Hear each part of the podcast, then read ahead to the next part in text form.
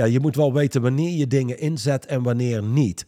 Manipulatie komt altijd voort vanuit een gebrek aan persoonlijke kracht. Met name in onze communicatie, als, als onze kracht afneemt en onze vrijheid om te spreken afneemt, dan schakelen we over op manipulatie. Welkom bij de Straight Line Podcast, de leiderschapsdialoog met diepgang en inhoud. Iedere week opnieuw een eerlijk gesprek over radicaal effectief leiderschap in turbulente tijden. En over winnen in het leven. Welkom bij de Straight Line Podcast met Mandy en Johan van der Put. Vandaag staat een fantastische distinctie centraal in uh, deze podcast-uitzending. Echter wil ik eerst graag een uh, vraag aan je stellen. En die vraag die heb ik via LinkedIn gekregen. Die krijg ik een hele hoop. Maar dit is een hele trouwe luisteraar. Sterker nog, deze luisteraar is zo trouw. Die gaat nog helemaal terug naar het Black Swan Project van 2020. Waar die ook altijd live bij aanwezig was. En interacties en dergelijke met ons had. Dus ik heb hem uh, gestuurd op LinkedIn. Ik ga deze vraag voorleggen aan de heer Van der Put. Uh, deze man, die noemt jou overigens... Um, uh, even kijken, doe de groeten aan Johan, stuurt hij mee, of uh, sluit hij mee af, alias de King of Reuzel. de King of Reuzel? ja, dus uh, nou, dan weet je dat. Oh, wow. Um, Oké, okay, hij schrijft: Ik ben Straight on Leadership steeds meer aan het implementeren op mijn werk en privé. En ik pluk hier steeds vaker de vruchten van, aangezien ik dit terugzie in de resultaten. Dus dat is een goeie. Dat, uh, dat, dat hey, is dat is al meteen een heel eerlijk begin. Want de meeste mensen zeggen: Ja, ik voel me beter of ik voel me Precies. krachtiger. Nee. Maar waar je het dan terugziet zijn fysieke resultaten. Exact. Dus uh, dat is een hele mooie conclusie. Nu zit ik ook in de politiek. En in de podcasts hebben jullie het hier regelmatig over.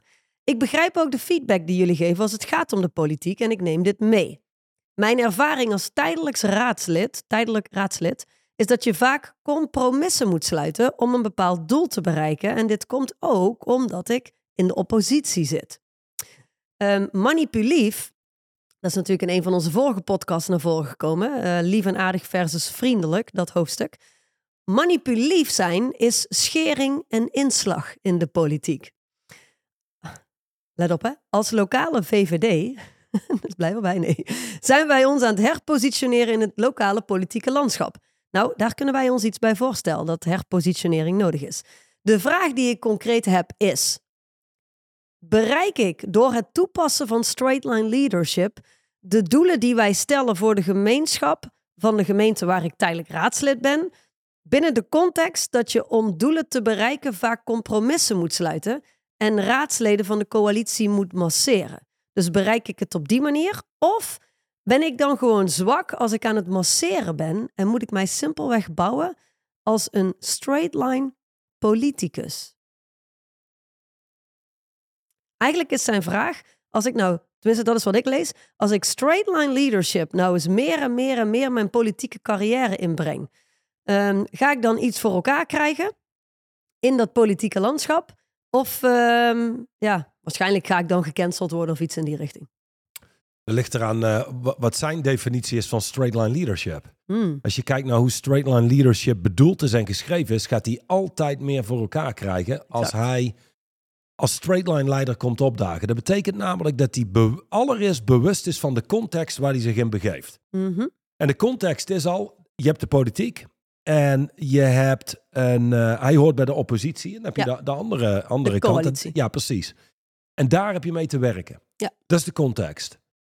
Dan zal hij andere meningen uh, de, uh, hebben dan de, dan de coalitie. Hij mm -hmm. zal andere posities innemen afhankelijk van context en wie je voor je hebt, dat geeft jou jouw inner stance waar jij vandaan komt en wat gepast is in het huidige moment. Mm -hmm. Ik weet nog dat, dat ik ging werken met Dushan en, en, en, nog in het gesprek waarop ik besloot te gaan werken met hem, ergens deelde hij dit tussen neus en lippen door, zei hij, I will help you to be appropriate in various contexts and with various people.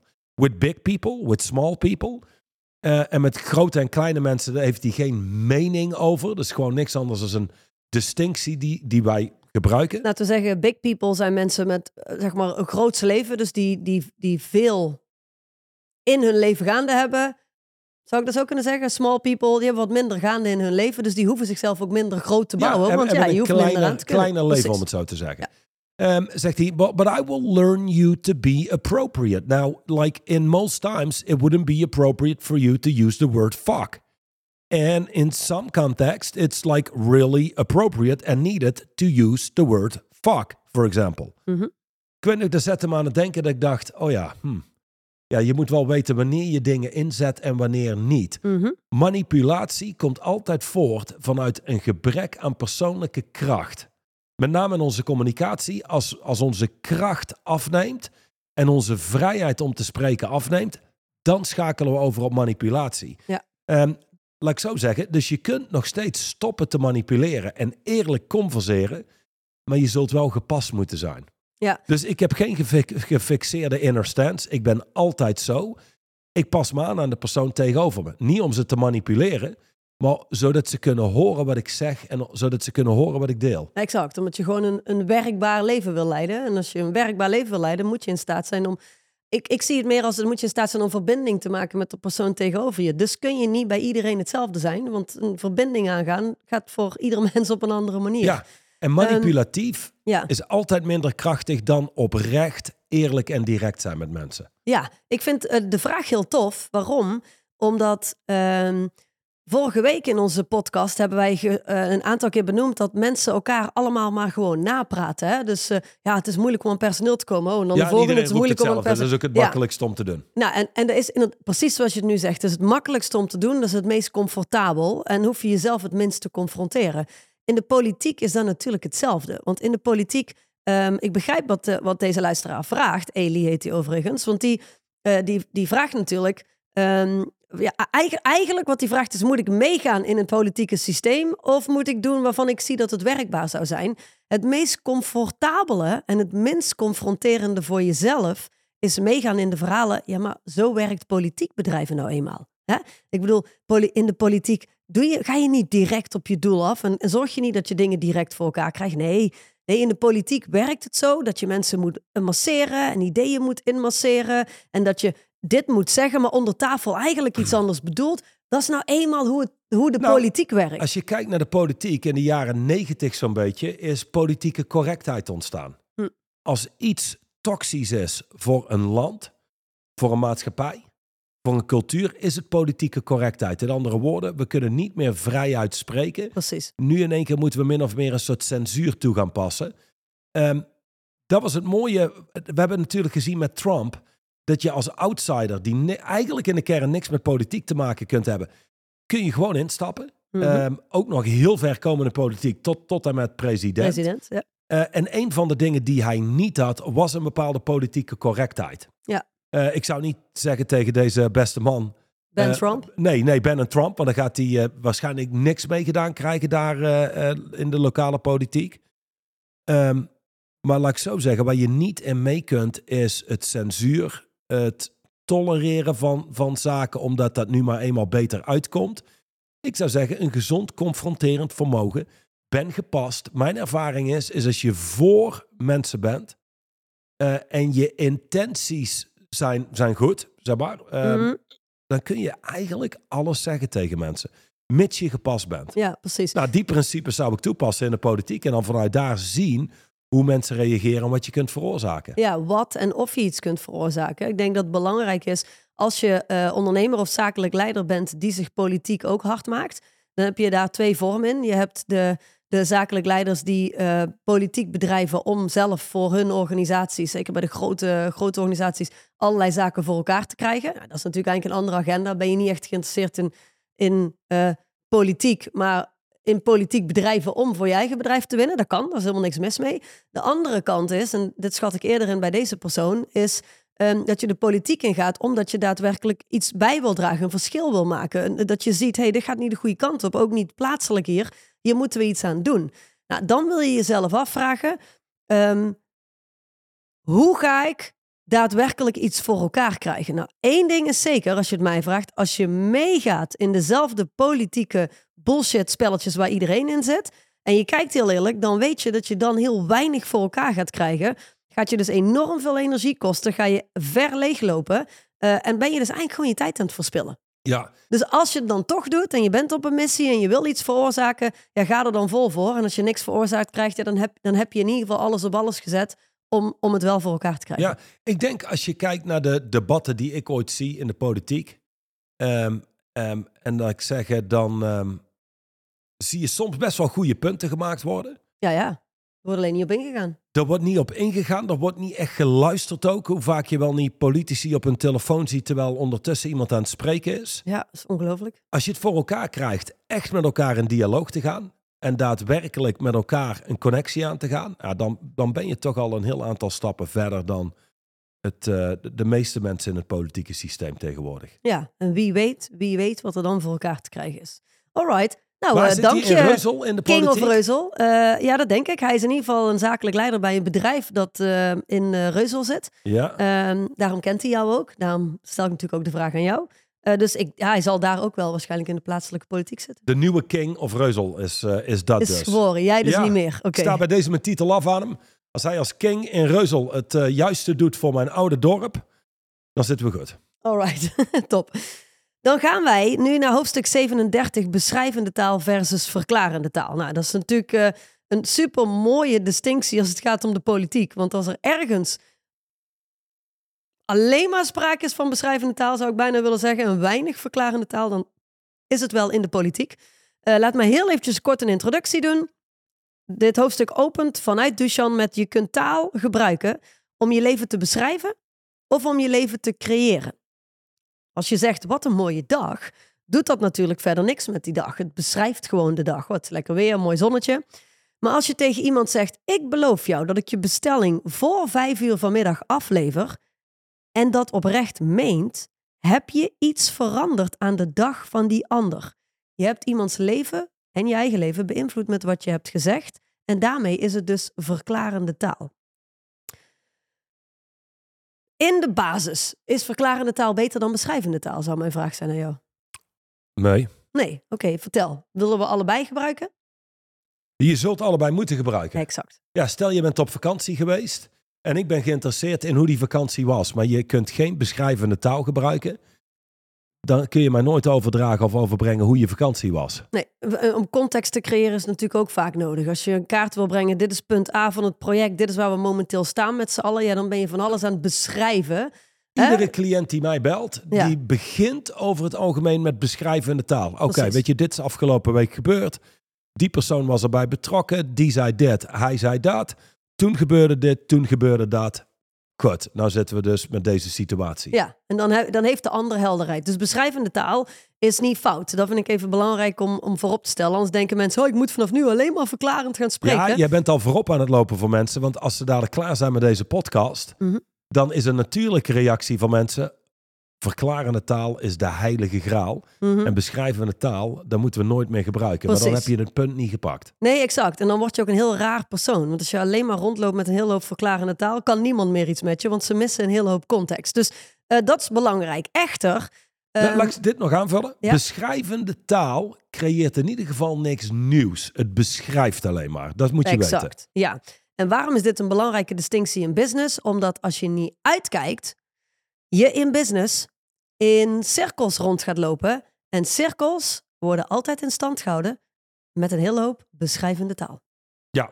Je blijft constant hetzelfde krijgen. Jij zegt wel eens, het is eh, hetzelfde, hoe zeg je dat? Hetzelfde, ehm, Groundhog Day. Weet je, je beleeft steeds precies. opnieuw en maar dan opnieuw met een beetje hetzelfde. lippenstift op is Net een beetje, het ziet er net anders uit, maar je bleef steeds hetzelfde. We hebben de oude Volkswagen Polo's ingeruild voor nieuwe elektrische auto's. Weet je wel, dat is de lippenstift. Ja. Ons pand is opnieuw geschilderd, maar in de kern is het dezelfde shit. Precies, ja. Eh, en over het algemeen blijven we ook in dezelfde gesprekken en conversaties hangen. Eh, om dat open te breken is de basis beschrijvende taal. Eh, sorry, verklarende taal. Oeh, sorry. Verklarende taal is de basis die nodig is om, om cirkels open te breken en nieuwe toekomsten, nieuwe realiteiten te creëren. Nu, even kort, want hier in het hoofdstuk redelijk ver eh, vooraan staat dat verklarende taal ehm, is, is opgebouwd uit een aantal onderdelen. Zou jij daar iets over kunnen zeggen? Want je hebt namelijk verklaringen, je hebt beloftes en je hebt verzoeken. Die drie zaken, die Ja, wil je als als- zakelijk leider goed snappen. Als het gaat om verklarende taal heb je zes verschillende soorten speech acts. Ja.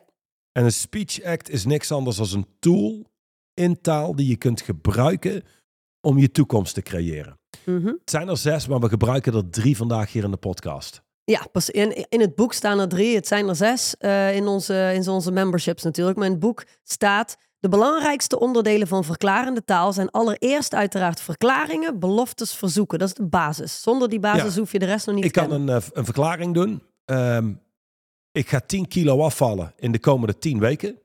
Dan kan ik een verzoek doen aan jou eh, of aan degene die ons eten klaarmaakt. Kook alsjeblieft gezond. Mhm. Zou je bereid zijn om dat te doen? Wil je erin verdiepen? Ja, dan zegt zo iemand, ja nee, dat is goed, dat ga ik doen. Ik ga vanaf nu af aan gezond, gezond eten klaarmaken. We stoppen de pizza's en de friet. Ja. Vanaf nu af aan salades. En dan maak ik een belofte om in plaats van nul keer per week, zes uur per week te gaan sporten. Als ik dat vervolgens doe, ik leef daarnaar, dan heb ik daar, haal ik daar mijn resultaten uit. Ja, dan is de eindeloze cirkel van de 10 kilo overgewicht doorbroken. Hè, die is dan opengebroken. En het eindeloze gesprek met jezelf en anderen over dat je eigenlijk minder zou moeten eten en eigenlijk minder zou moeten sporten. En dat is al die beschrijvende taal, zeg maar. Alles wat je in je leven anders zou moeten doen of wat je nu zo... Dat zou allemaal doorbroken worden. Precies, je moet het zo zien. Als ik met jou hier zit en wij kijken uit het raam en zeggen, oh, we zien daar twee mensen hardlopen. Zouden mensen zeggen, yep, dat, dat hardlopen is al een actie, zeg maar. Nee, ik zie twee mensen hardlopen, beschrijft hun actie. Mhm. Dus beschrijvende taal. Ja. Als ik hier zit en ik zeg tegen jou, ik beloof jou, het beloven is al een actie op zichzelf. Ja. Dus ik beloof dat ik jou om vijf uur op ga halen om om half zes te gaan eten. Mhm. De belofte op zich is een actie. Ja, Dus verklarende taal gebruiken is überhaupt al in actie zijn. exact. Mhm. Eh, een ander soort actie dan ik die een boomstam doorzaag, dat is fysieke actie. Ja. Dit genereert actie. Dus nu in één keer heb ik een belofte. Zie het als belofte maakt schuld. Integriteit betekent ik volg mijn beloftes op. Mhm. Dat is in de kern één van de tools die je nodig hebt om een nieuwe toekomst te creëren. Ja. Daarvoor moet ik ook het volgende uiteenzetten. Je hebt in het leven geprogrammeerde toekomsten en je hebt gecreëerde toekomsten. Mhm. En een geprogrammeerde toekomst is, als ik nu ehm, iedere dag mijn lunch eet bij McDonald's en ik sport nooit en ik heb 30 kilo overgewicht. Mijn geprogrammeerde toekomst, de toekomst waar ik in leef, grote kans dat ik allerlei gezondheidsziektes ga ontwikkelen. Van, Ja, en dat je van 30 naar 40 kilo overgewicht naar 50 kilo overgewicht gaat. Ja, je, Ja. Je, je kunt, ieder mens kan in de basis bijzonder goed de toekomst voorspellen. We hebben eigenlijk allemaal onze eigen glazen bol. Ja, 100%. En als je dan bijvoorbeeld kijkt naar hoe jij omgaat met mij in ons huwelijk, dan kun jij al voorspellen. Dat wij heel gelukkig oud worden Ah, samen. ja, ja, maar nou bijvoorbeeld, dat is ook een, eh, een kans. Eh, maar, maar inderdaad, nee, en, en dus je hebt geprogrammeerde toekomsten die zijn gewenst. Laat zeggen, jouw huwelijk bijvoorbeeld met mij, dat is een zeer gewenste geprogrammeerde toekomst. Ja, zeker. Ons meer, huwelijk. Ons meer huwelijk. winnen met elkaar en nog meer lol en noem maar op. Ja. Ehm, maar je hebt ook geprogrammeerde toekomsten die je wil doorbreken. Als jij bijvoorbeeld, je partner stond vorige week klaar met haar koffer. En is het van, hey, als dit het is, dan ga ik bij je weg. En jij verandert niks.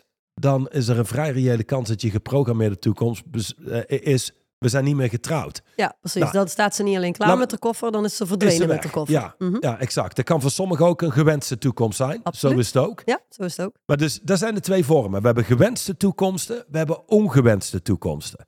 Als jij kijkt naar de zakelijke context waar we hier nu begeven, Mhm.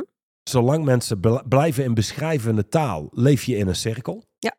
Want je creëert je toekomst middels taal. Daar zijn mensen zich niet van bewust. Ja, kan ik daar heel even, heel Ja. even op inhaken? Want dat is inderdaad, eh, en ik vind dat wel mooi omschreven hier in het hoofdstuk.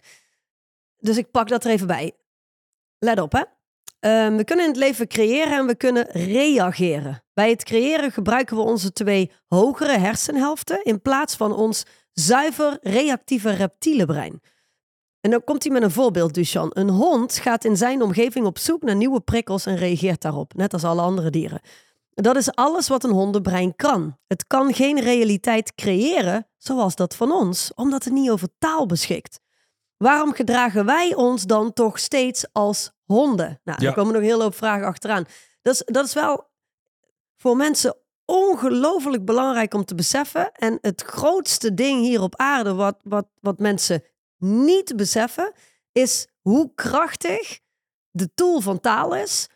Twee kanten op. Als je namelijk niet beseft hoe krachtig taal is en hoezeer taal je hele leven niet alleen beïnvloedt, maar letterlijk creëert. Het is met taal dat je heel leven Je, creëert. je leeft non-stop in een conversatie. Exact. Eh, maar als mensen niet beseffen hoe krachtig dat is, dan kan het ook nog eens heel gevaarlijk zijn. Want, want de taal die je spreekt, daarmee kun je je eigen gevangenis creëren of je eigen paradijs creëren. Het is één van de twee. Ja, Ehm, dus daarom is dit hoofdstuk zo belangrijk. En daarom is dit taal en communicatie en conversaties is natuurlijk de absolute kern van al onze lidmaatschappen. Van al het werk wat wij doen met alle zakelijk leiders waar we mee werken. ja. Ehm, om, om dat eventjes te benadrukken, want jij haalde dat net natuurlijk kort aan. eh, waarin je dus aangeeft, oké, dus beschrijvende taal zorgt ervoor dat je in een cirkeltje blijft. En heel veel mensen, als je goed luistert, zitten non-stop in beschrijvende taal en blijven eindeloos in dezelfde cirkeltjes We zeiden het in onze vorige podcast. Hè? Je kunt onmogelijk aan personeel komen. Precies. Weet je wel? Eh, ehm, ja, ik zou zeggen, je kunt onmogelijk aan personeel komen, is, is verklarende taal. Ja. Ehm, Nou ja, precies. wij- hebben moeite om aan medewerkers te komen. En, en tot nu toe is ook niks gelukt. En we hebben dit gedaan en dat gedaan. Dat is beschrijvende taal. Ja. Beschrijvende taal, nogmaals, creëert niks nieuws. Sterker nog, dat bepaalt wat er mogelijk is en niet mogelijk is. Dus zomaar even medewerkers aantrekken gaat ook niet gebeuren vanuit die taal. Nee, maar dat is wel een goeie wat jij nu zegt. Want eigenlijk maak jij nu een onderscheid in... Oké, je hebt beschrijvende taal en verklarende taal. Dan zou je zeggen, beschrijvende taal, fine, hebben we nodig om context te creëren. Verklarende taal hebben we nodig om een nieuwe toekomst te creëren. Klopt. Echter, de mensen die verklarende taal gebruiken zonder dat ze zich er bewust van zijn, die, kunnen, dat, die, die gebruiken vaak verklarende taal om de huidige situatie in stand te houden. Mhm. Dat is ook belangrijk voor mensen om te beseffen. Verklarende taal kan twee kanten op. Of, ja, zoals jij het altijd zegt, eh, je, je boort een gat in je eigen boot hè, door de woorden Het die je zegt. ontkrachtje. Of het bukkrachtje. Ja, Vertel. Nou ja, ik kan een verklaring doen. Goh, Mandy, je hebt, je hebt zo'n mooi bedrijf gebouwd. Ah, weet je, heel eerlijk, succes zit niet echt in onze familie. Ja, ik Dus- zou daar niet kunnen waar De- jij kan. ja, dus ik, ik, ben, ik ben niet iemand die zomaar even een bedrijf zou starten. Ja. Is een verklaring. Precies. En ik zou zeggen, eentje die kracht ontneemt. Yes. Ik kan een verklaring doen. Eerlijk, en ik wil niet te veel opscheppen over mezelf. Maar als het aankomt op business en, en accurate inschattingen maken, ben ik behoorlijk briljant. Dat is ook een verklaring. Ja. Ehm, Die bekrachtigt. Precies. Nou, dus, dus dat zijn de twee soorten verklaringen die we hebben. Ehm, beschrijvende taal weten we al. Dat is nodig om te beschrijven, maar creëert niks nieuws. Als jij kijkt naar hoe een ondernemer een bedrijf leidt. En dan terugkomend op het reageren of creëren. Creëren is weten wanneer je beschrijvende taal moet gebruiken. Mhm. En vooral weten wanneer je verklarende taal moet gebruiken. Dat doe je vanuit je twee hogere hersenhelften, om het zo te zeggen. Je reptiele brein is hetgene wat steeds reageert. Nou, Ja. laten we de volgende distinctie wel maken. Als jij nu in de auto zit en je luistert naar deze podcast... en voor jou gaat nu iemand op de rem... jouw twee hogere hersenhelften... Ja, die reageren nooit snel Daar heb, je, genoeg. daar heb je niet zoveel aan. Dan zit je er bovenop. En dan zou Ja. zijn, oh, de auto voor ons remt. Dit betekent dat wij moeten afremmen, anders hebben... Nou ja, dan zit je er al bovenop. Ja. Dus een reptiele brein is bedoeld om ons fysieke lichaam in leven te houden. Dus dat reageert onmiddellijk. En dat is een goed iets. Een reptiele brein is ook niet een slecht iets. Ehm, het slaat alleen door in de huidige realiteit. Ik bedoel, ehm, een paar honderd jaar geleden, duizenden jaren geleden...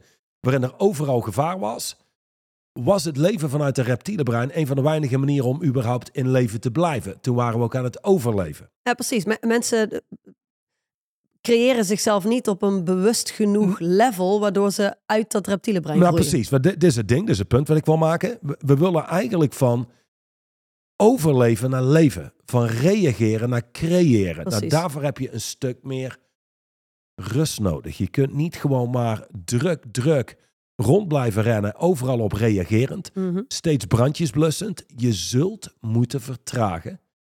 Bewust moeten zijn van wat er nu gaande is, maar ook bewust moeten zijn hoe creëren we nou die nieuwe toekomst? Hoe gaan we nou van reageren naar creëren? Daarvoor zul je moeten vertragen en bewust moeten zijn wie je bent en wat je doet en wat er uit je mond komt.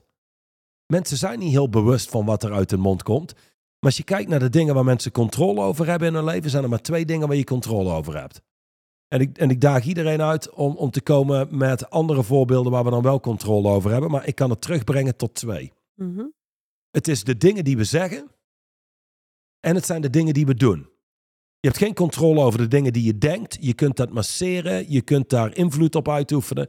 Maar je hebt gewoon gedachten. Ja, die komen en die gaan. Ja, als jij dan kijkt naar hoeveel controle mensen daadwerkelijk hebben over hun acties en over wat er uit hun mond komt, dan heb ik toch regelmatig dat ik denk, iemand is zich niet bewust van wat hij hier zegt, want hiermee creëert hij letterlijk zijn toekomst, maar geen krachtige toekomst. Dus weten dat we daar controle over hebben, daar leggen we maar heel weinig aandacht en focus op. Nou ja, want ik denk wa- wat jij zegt, ehm, we hebben over twee dingen controle. Dat is over de acties en niet-acties. Dus dat wat we doen, daar hebben we controle over. En dat wat we zeggen, hebben we controle over. Ik kan me zo voorstellen dat voor veel luisteraars is: oké, ja, dat wat ik doe en niet doe, daar, daar, daar heb ik controle over. Ik weet zeker dat er veel mensen in onze maatschappij momenteel rondlopen en zeggen: ja, maar ja, ik, ik, ik heb er helemaal geen controle meer over. Weet je, ik word gewoon gerund door, weet ik veel, Ja, allerlei ik word angsten. Ik word geleefd. En is door... ook een, een ontkrachtende verklaring. Exact, ja, zeker. Ehm, maar goed, laten we zeggen dat mensen nog wel kunnen plaatsen. Oké, de, de, de acties die ik doe en niet doe, daar heb ik controle over. Maar ik weet zeker dat heel veel mensen ervaren. Ja, dat wat ik zeg, wat er uit mijn mond komt, daar heb ik geen controle over. Dat is eruit voordat ik er erg in heb. Ja. Ja. Ja, daarvoor zul je moeten vertragen. Mm. Want zo'n reptiele brein genereert gedachten en een interne werelddialoog. Ja.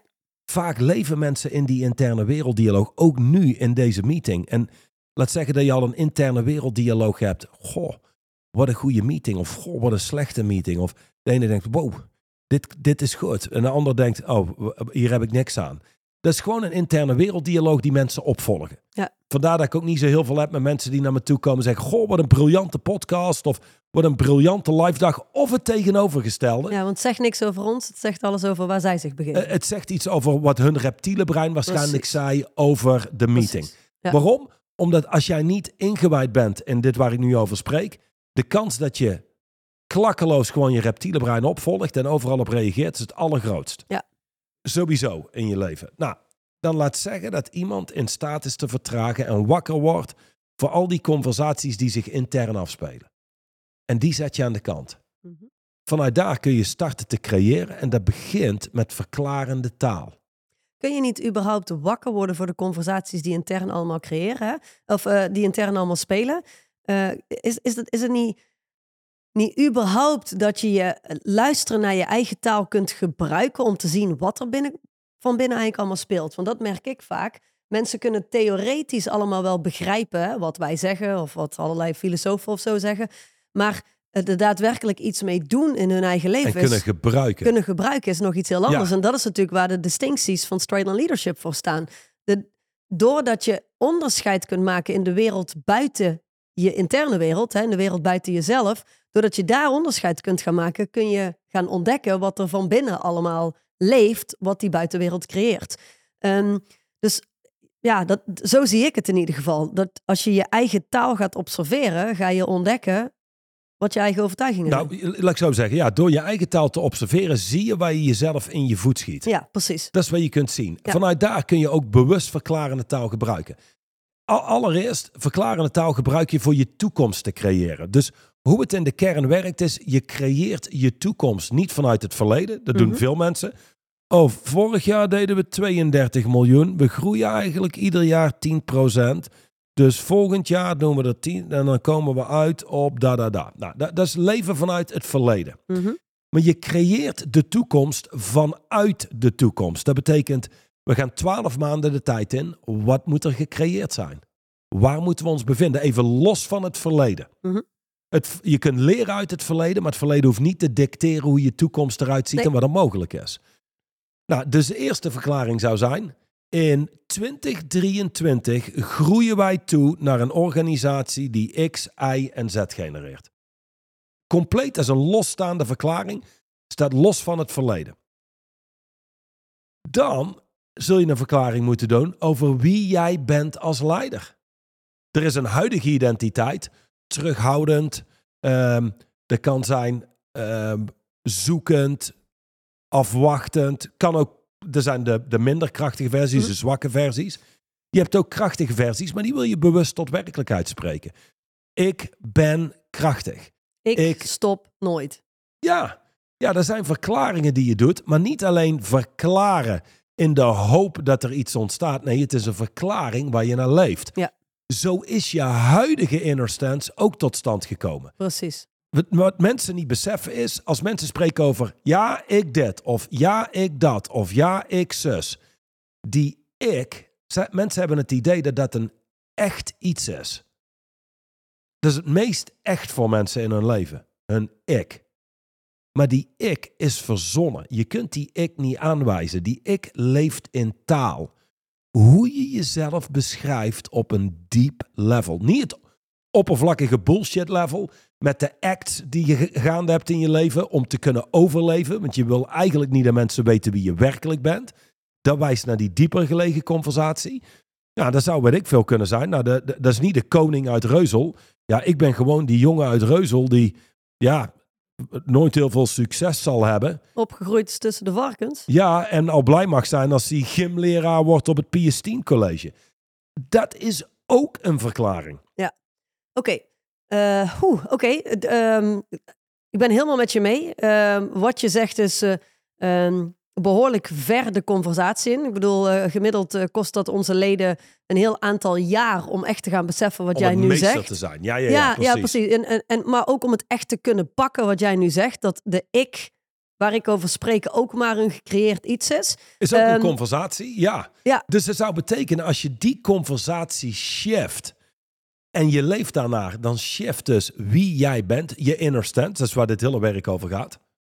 Ja, ab- ja absoluut. Maar wat ik al zeg, eh, dat, dat, dat ehm, ja, absoluut. Eh, En om dat is een om echt heel te kunnen diep horen wat ik gesprek. zeg. Ja, precies. Dat Dat- ik ben met je mee. Ehm, dus wat ik jou hoor zeggen is, oké, we, hebben, we hebben beschrijvende taal, we hebben verklarende taal. Even zodat we weer ehm, een, op een rechte lijn komen. We hebben beschri- beschrijvende taal, we hebben verklarende taal. Beschrijvende taal is nodig om elkaar mee te kunnen nemen in elkaars wereld en waar we ons begeven. Gewoon eh, de context te kunnen creëren. Verklarende taal is echter datgene, ja, beide, beide vormen van taal, maar verklarende taal is datgene wat ons onderscheidt van het dierenrijk. Verklarende taal is datgene wat de tool die wij hebben om niet alleen maar te hoeven reageren op het leven en de omgeving waar we ons in begeven, maar om het leven en de omgeving waarin we ons begeven te kunnen creëren. Daarvoor hebben we verklarende taal. Wat mensen moeten beseffen als je luistert, is dat ook jij, ook al heb je hier nog nooit van gehoord en, en vind je het op dit moment misschien, lastig om te plaatsen of niet, ook jij hebt jouw leven opgebouwd uit verklarende taal. Ieder mens doet dat. Dus het is niet iets van, oh wauw, ik heb nu geleerd dat zoiets als verklarende taal bestaat. Dus dat ga Ja, ik vanaf, vanaf nu, nu van ga ik gebruiken. het gebruiken. Ja, Nee, je doet de- het al. Je doet dat al. Je doet dat al vanaf de dag dat je kunt spreken, zou ik willen zeggen. Heb je jouw leven opgebouwd door verklarende taal te gebruiken? De vraag is, is het verklarende taal die heel werkbaar is en die een toekomst creëert die je graag wil creëren? Of is het verklarende taal die jouw geprogrammeerde toekomst creëert? Die toekomst die er sowieso al gaat zijn. Ja, Ehm, dat is denk ik een, een, eh, een, belangrijk om je te st- een belangrijke vraag om je te stellen. Oké, stel nou, eh, iemand luistert naar deze podcast en die zegt... ehm, ehm, Oké, oké, oké. Nou, ik wil dan verklarende taal bewust gaan gebruiken om een nieuwe toekomst te creëren. Wat is dan, los van het feit eh, dat ik zou zeggen, kom in een van onze lidmaatschappen of kijk of we überhaupt een match zijn en of dat je aan boord kunt komen. Los daarvan, wat zou jij ze nu meegeven, mee kunnen geven om in ieder geval een start te maken met verklarende taal werkbaar te maken en een nieuwe toekomst te creëren? super simpel. Ik zou iemand vragen om op te letten. Wat, is, wat zijn de huidige verklaringen die je doet? Ja. Dat is namelijk de toekomst waar je in leeft. En die herken je, ik ben, puntje, puntje, puntje, dat zijn al verklaringen. Ja, maar gewoon erop te letten inderdaad. Er Gewoon op te letten wat er uit je mond komt. En vanuit daar in kaart te brengen. Wat zijn nou verklaringen die ik zal moeten doen om te krijgen wat ik wil? Mhm. En eh, dat is ook een, een simpel antwoord. Als jij naar de toekomst gaat. Laat zeggen, er zijn verschillende identiteiten. Eh, een ondernemer die 50 miljoen omzet... is over het algemeen een ander soort ondernemer... als degene die niet verder komt dan een miljoen omzet. Even simpel gezegd. Ja. Dus als iemand een toekomst wil creëren die die nog nooit heeft gecreëerd... zal dat ook betekenen dat je in de kern iemand zult moeten zijn... wie je nog nooit geweest bent. Mhm. Dat betekent dat je moet gaan kijken naar wat zijn de verklaringen die ik vanuit hier te doen heb. Verklaring over mijn toekomst en de verklaring over jezelf wie je bent. Mhm. Dat zijn de twee verklaringen die je zult moeten shiften. En die stem je af op de toekomst die je wil creëren. Kun je daar een concreet voorbeeld van geven? Dus uh, of uit de praktijk ik, of ik niet? Begon, ik begon ooit met coaching. Dus Ja. vo- voordat ik met Duchan werkte eh, als consultant, eh, had ik een heel ander financieel leven. Nou, dus ik huur Duchan in. En in de kern huurde ik Duchan in om zeer competent te zijn als coach. Als in mee te kunnen spelen met de allerbeste coaches ter wereld. Dat is één. Ehm, en twee, ik had zo in mijn hoofd zetten. Ik denk dat je als coach toch zo'n anderhalf, twee miljoen euro per jaar moet kunnen genereren. Dus toen ik ging werken met Duchan had ik in de kern twee verklaringen. De ene verklaring was een verklaring rondom de omzet die ik wilde genereren. Mhm. Dus als dit jaar genereer ik zoveel euro omzet. Dat betekent voor deze maand, deze maand genereer ik 150.000 euro omzet. Mhm. Ehm, dat was een verklaring. En de verklaring die daarbij hoorde was ook... ik ben de meest effectieve en krachtige coach van heel Europa. Hm. Als er iemand bij had gezeten, had dan kunnen kijken en gezegd... ja, maar dat is toch onzin? Maar dat, dat ben je toch niet? Dan had ik gezegd, dat is helemaal waar. Ik, ik ben niet de meest effectieve en krachtige coach van Europa... als je kijkt naar mijn competenties. Nu? Want die moet ik opdoen. De inner stance kan ik nu aannemen. Precies. Dus als ik het zou vergelijken met het volgende. eh, jij en ik kunnen allebei pianoles gaan nemen. Nou, ik kan echt voor geen meter piano spelen. En jij volgens mij ook niet. Nee. Jij komt vanuit de verklaring. Ik ben de meest briljante pianist op aarde. Nou ben je niet achterlijk, dus je weet, ik kan er niet spelen. Maar dat is de inner stance waar ik vandaan kom. Mhm. En ik kom vanuit, ja, mijn hele familie is niet heel muzikaal. Dus ik denk dat het moeilijk wordt. Maar ik ga toch absoluut mijn best doen. Dat is mijn verklaring. Wie gaat dit het makkelijkste en het snelst onder de knie krijgen waarschijnlijk? Ik? Ja, want een inner stance bepaalt hoe je opkomt dagen. Nou ja, wie ben je in een muziekles als je de beste pianist op aarde bent? Iemand die zit op de punt van zijn stoel. Iemand die is aanwezig. Die pakt die dingen op. Maar dat is ook iemand die traint en die oefent van dat doet de beste pianist. Maar als ik kom vanuit, ja, maar ik ben niet heel goed en mijn familie was ook niet muzikaal. Dan zet ik mezelf al op tot falen. Want hoeveel ga je trainen als het is, ja, het zit er toch niet in, want mijn hele familie is al niet muzikaal. Ja. Dus er zijn twee verschillende werelden die je creëert middels één verklaring. Helder. Helder. In de kern zou ik als laatste willen benadrukken dat deze distinctie niet een magisch trucje is. Je hebt het al een paar keer tussendoor gezegd, maar deze distinctie is niet een magisch trucje. Het is niet, oh, doordat ik nu verklarende taal ga gebruiken en ik ga mezelf de meest kick-ass ondernemer van de wereld noemen, eh, word ik dat ook? Nee, verklarende taal, backed up by action, transformeert je leven. Ja, En transformeert niet alleen jouw leven, maar transformeert de levens van een ieder om je heen. Zowel in je bedrijf als buiten je laten we, het heel, laten we het heel praktisch maar houden. het Even- begint, ja wacht even, maar het begint wel, het begint met een verklaring. En dat is wat, waarom deze distinctie zo belangrijk is. Want zonder de verklaring gaat er überhaupt niks shiften in je leven. Nee. Komen er geen andere acties en komt er geen nieuwe inner Johan, het heb je daar een goed voorbeeld van? Ja, maar natuurlijk Mandy. Absoluut. Dus waar gaan wij op vakantie? Eh, Oostenrijk dit jaar. Juist. Wanneer? Eh, ergens in juli of augustus, weet ik niet. Eind juli tot begin augustus, Augustus, geloof ik. Hè? ja. Eh, zeven dagen. Hoe is, hoe is die vakantie tot stand gekomen? Die is tot werkelijkheid gesproken. Mhm. Dus jij belde met, hoe heet eh, onze Sanne? Sanne, onze reisdame. En zegt Sanne, we willen op vakantie. Dat is ongeveer de, de, de data. Zou jij voor ons drie voorstellen willen geven van reizen? Mhm. Nou, dat had je ook zelf kunnen doen. Nou, in dit geval doet Sanne dat. Of ik had dat zelf kunnen doen. Maar zij doet dat. Maar dat spreken we al tot werkelijkheid. Vervolgens doe, je daar een verzoek of zij dat in kaart wil brengen. Zij maakt een belofte dat te doen en zij stuurt drie reizen door. Mhm. Wij gaan samen zetten. Oké, we kunnen naar Italië. En dat kost zoveel en daar is dit gaan. En we kunnen naar Oostenrijk en dit is de investering daar. Of dit zijn de kosten en dat is wat we gaan doen. Wat lijkt ons het leukst? Oh, dat hotel is eigenlijk leuker voor Lotus, onze dochter. Oké, en zo spreken we letterlijk die vakantie tot werkelijkheid. Ja.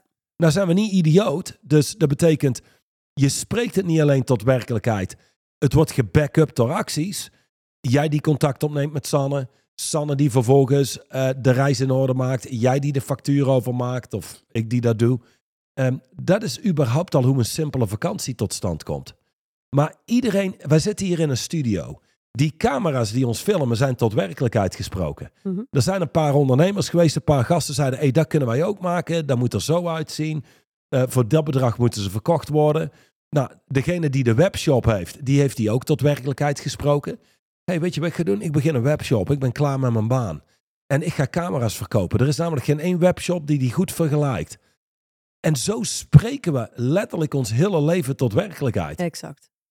En als mensen dat, als mensen zouden, als een luisteraar zou pakken wat je nu net hebt gezegd, dan zou die snappen dat het creëren van een nieuwe toekomst start bij taal. Het genereren van beloftes, het doen van verzoeken en het doen van verklaringen. Ik, ik heb Backed up by the right actions. 100% We zouden daar kunnen stoppen. Ik wil nog één toevoeging doen, toevoeging doen over beschrijvende taal. Wie mensen voor jou zijn als luisteraar, dus andere mensen voor jou zijn, heb je al lang verpakt in taal. Dus je hebt mensen die zeggen, oh, die gast is fantastisch.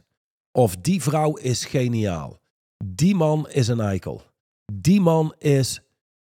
En als je gaat kijken, pas beschrijvende taal aan en je ervaring verandert. Mhm. Dat betekent niet dat je feiten uit het oog moet verliezen. Maar alles wat jij labelt, ge- geeft, een, geeft vervolgens een reactie. Tuurlijk, ja. Als jij, als jij eh, in je hoofd hebt bepaald dat iemand een eikel is, maakt niet uit wat die persoon zegt. Alles wat die zegt komt uit de mond van een eikel. Dus is in ieder geval eikeltaal. Ja, Ja, zeker. absoluut. En, en dus hoe wij dingen beschrijven, creëert ook onze ervaring. Hoe iets of iemand verschijnt, Verschijnt. voor ons. Beschrijf maar eens iets als moeilijk, dan verschijnt het ook als complex. Oké, goede toevoeging. Ehm, eh, en tegelijkertijd weer zo één eh, die... Waar je die een hele podcast of zeven over kunt nou ja, waar, waar ons uiteindelijk ons hele werk en ons hele lidmaatschap om draait. En wat mensen die zelfs al zes, zeven jaar lid zijn bij ons, die zullen waarschijnlijk zeggen, ja dit, maar dit begin ik steeds op een dieper level te zien. De, de- en, en dan kom je uit op ons werk, is als het beklimmen van een berg zonder top. Maar weet je wat het mooie is? De klim, hoe hoger je komt, hoe toffer die wordt. En niet hoe vermoeiender die Ja, wordt. en dat is wat mensen denken. Ehm, Oké, Zo klimmen we ook door met deze podcast. We gaan Exact. op weg naar hoofdstuk Volgende week 38. dan eh, gaan wij nu afsluiten en dan eh, zien of horen bij jou. Voor... Nee, jij hoort ons volgende week weer. Tot volgende week.